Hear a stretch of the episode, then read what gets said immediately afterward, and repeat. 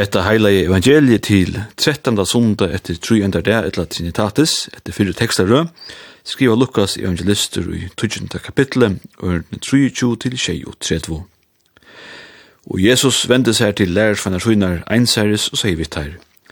Sel er ut ei eio som sudja til og tid sudja. Tu jeg sier til kun er at mennesker, profetar og kongar vil du fekner sudja til som tid sudja, og finge til ikkje sudja, og høyra til som tid høyra, og finket det ikkje at høyra. Og så ein lovkønner steg opp og fresta i han og sier, «Mastare, kvært eie jeg gjerra fyrir at jeg kan arva av et loiv. Men han sier vi han, kvært stendig skriva i lovene, Hvordan leser du. Men han sværa jo sier, du skal elska herran godtøyn av ötlun hjertatøynun, og atler saltøyne, og ötlun alvetøynun, og ötlun hoatøynun, og nasta tøyn som sjolvan til. Og han sier vi han, beint sverre i to, gjer du hetta og Thomas liva. Men han ville gjere seg sjølvan rattvisan og sier vi Jesus, og hver er ta naste moin? Jesus tok atter til året og sier, ein mævor ferreist fra Jerusalem om til Jericho, og han fell og rånsmann og hentur. Tar bei nøkta av han og slå han, og får så sted og låt han litt etter holde igjen. Men nu vil det så til er at ein prestur kom ferjande sama vegin, han så han, men gikk fram om han. Somleis eisen ein levittur. Han kom til samme stegin og så han, men gikk fram om han. Men ein samaribikve som vera fer hitte vi han, og tøy han så han, tøkte honom, hjertelig sind i honom, og han får til hans herra, og bant om sår hans herra, og let olje og vun ui, og han lytte honom upp av sitt ekna jord, og flutti han til eit kistihus og røkta i han. Og den etter tok han opp tveir dinarar og fikk versen å seie, røkta han jo, og til som du legger ut at treet skal jeg samsynet her, ta jeg kom i atter. Kvør av hesson Simon tidgist her i våren, nast i hans herra, som fatten vær rånsmann hendur. Men han sier, han som gjør det miskunnaversk mot i honom. Og Jesus sier vi han, fær to og gjer så vi.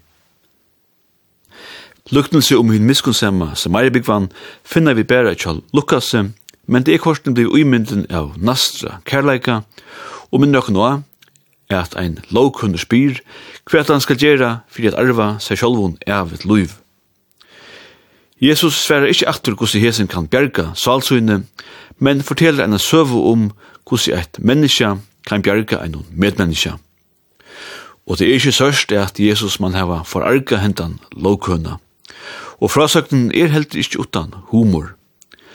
Helst hever onker stegi langt i atsi ur janon, og hever mukt smulevøtanar a sintur tui Jesus himpras ikkje vi a djeva temmun virknast og templenon eina aminning. Tui bæg ein prestur og ein levittur, til si eina presta at, genga i søvne tja Jesus utan omtan neistata, medan ein samaribikve, ein som hinir jødanir kanskje ikkje hildes og nek om, brukte bei tui og pening og resurser og på hendan nedstatta. De som var granska søvelige kjelter, ikkje berre bibeltekster, men eislen til som jødiske søvemævren Josefus skriva i, halda er fra omlei år 330 fyrir krist, våro Samaribikvar metter er vera ein kjolstøvur fölka bølkur, ein etnist fjölbrøtte bølkur, men Atronalia mette dei seg sjolv som jötar, Håast hei som mettu at Jerusalem var sauningarsteitja jötun, ikkje mettu hei som rattar jötar. Og i Palestina boet hei en rujtje middelen Galilea og Judea som kallais Samaria. Samaria bygg var virkjente og levde etter sunn og ekno utgave at fem fimm Moseboknun Men hina bøknar ut hui, vi du det kjenna som gamla testamentet var ikkje en parster av tarra atronøye. Tan mest eisunde moneren mittlen samaribigvar og ærar jötar var helst er at samaribigvar ikkje vilde kjennast vi templi og Jerusalem som det einasta ratta stegi halgedomen skulle vera, men hilde seg stegin til at dyrka god av fjallen og gair simt. Støvan minnes så sagt om støvna tja øren etniskun balkon og ikkje virkjendu temple som det einasta ratta stegi at tilbya god. Og kjenner vi dette eisne med anna fra Qumran, kyrkjodinun, kyrkjelige vi best kjenner fra dem såkallavå deihavs rutlun.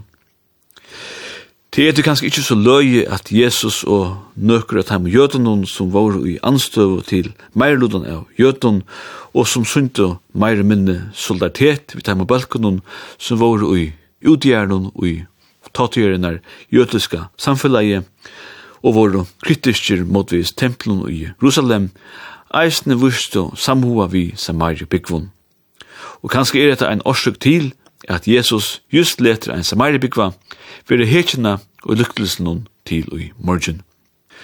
Og kanskje er dette eisen en årsøk til at just sambart Nudja Testamentet, er flere samaribikvar viste åhua fyrir hese Nudja røslene, og i sættene for å være kalla kristendomren.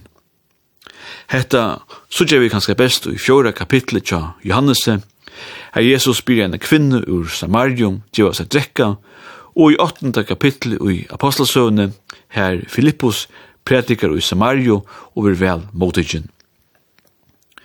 Og i hessum samband kan eisne nevnast at helse hevur evangelii etter Lukas og Apostelsøvan eisne vil skriva av sama rithøvnde. seg om den miskunnsamma Samaribigvan finner vi som sagt bæra tja Lukasse – Hette evangeliet som helst skriva om lei år furs til halvhems, ta kristendomren ver vi finna stev som sjálvstøver og ikkje så hefter av jødadom langur. Lukas legger dent og at Jesus er kommet vidt ham gau og tøynden til det fatakko og teg som er det fyrir åratte. Hette hendte langt i fjóra kapitlet ta Jesus røver i synagogene i heimbyen Nazaret. Det er all oftast eit sosialt medvit i frasøvun og Lukas, og det er semert fyrir Lukas evangeliet, at spurningar om startarmon og sjuk, og det som er sett utanfyrir til etablera i samfunnet, vera vi kjørter. Det som eisen er semert fyrir Lukas evangeliet er kvinnernar få en månad større leiklot enn i hinun trimon evangelien Nøkra tam hun kjentast og lukkelsen til Jesus, finner vi til Lukas, vi kunne nevnt lukkelsen om hi borstavitsa sonen, og lukkelsen om hi miskunnsemma samaribikvan, som er skronne i morgen og i kyrkjen okkara.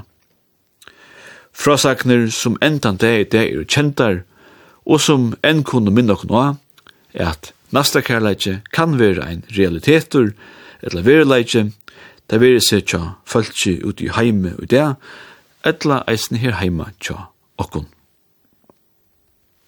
Vi elde kvöld vi salme 103 ui salmabogsene til Jericho for meavr ein, men ronsmenn hon møttu, som Hans Mikael Jakobsen av Kyrkjo Yrste.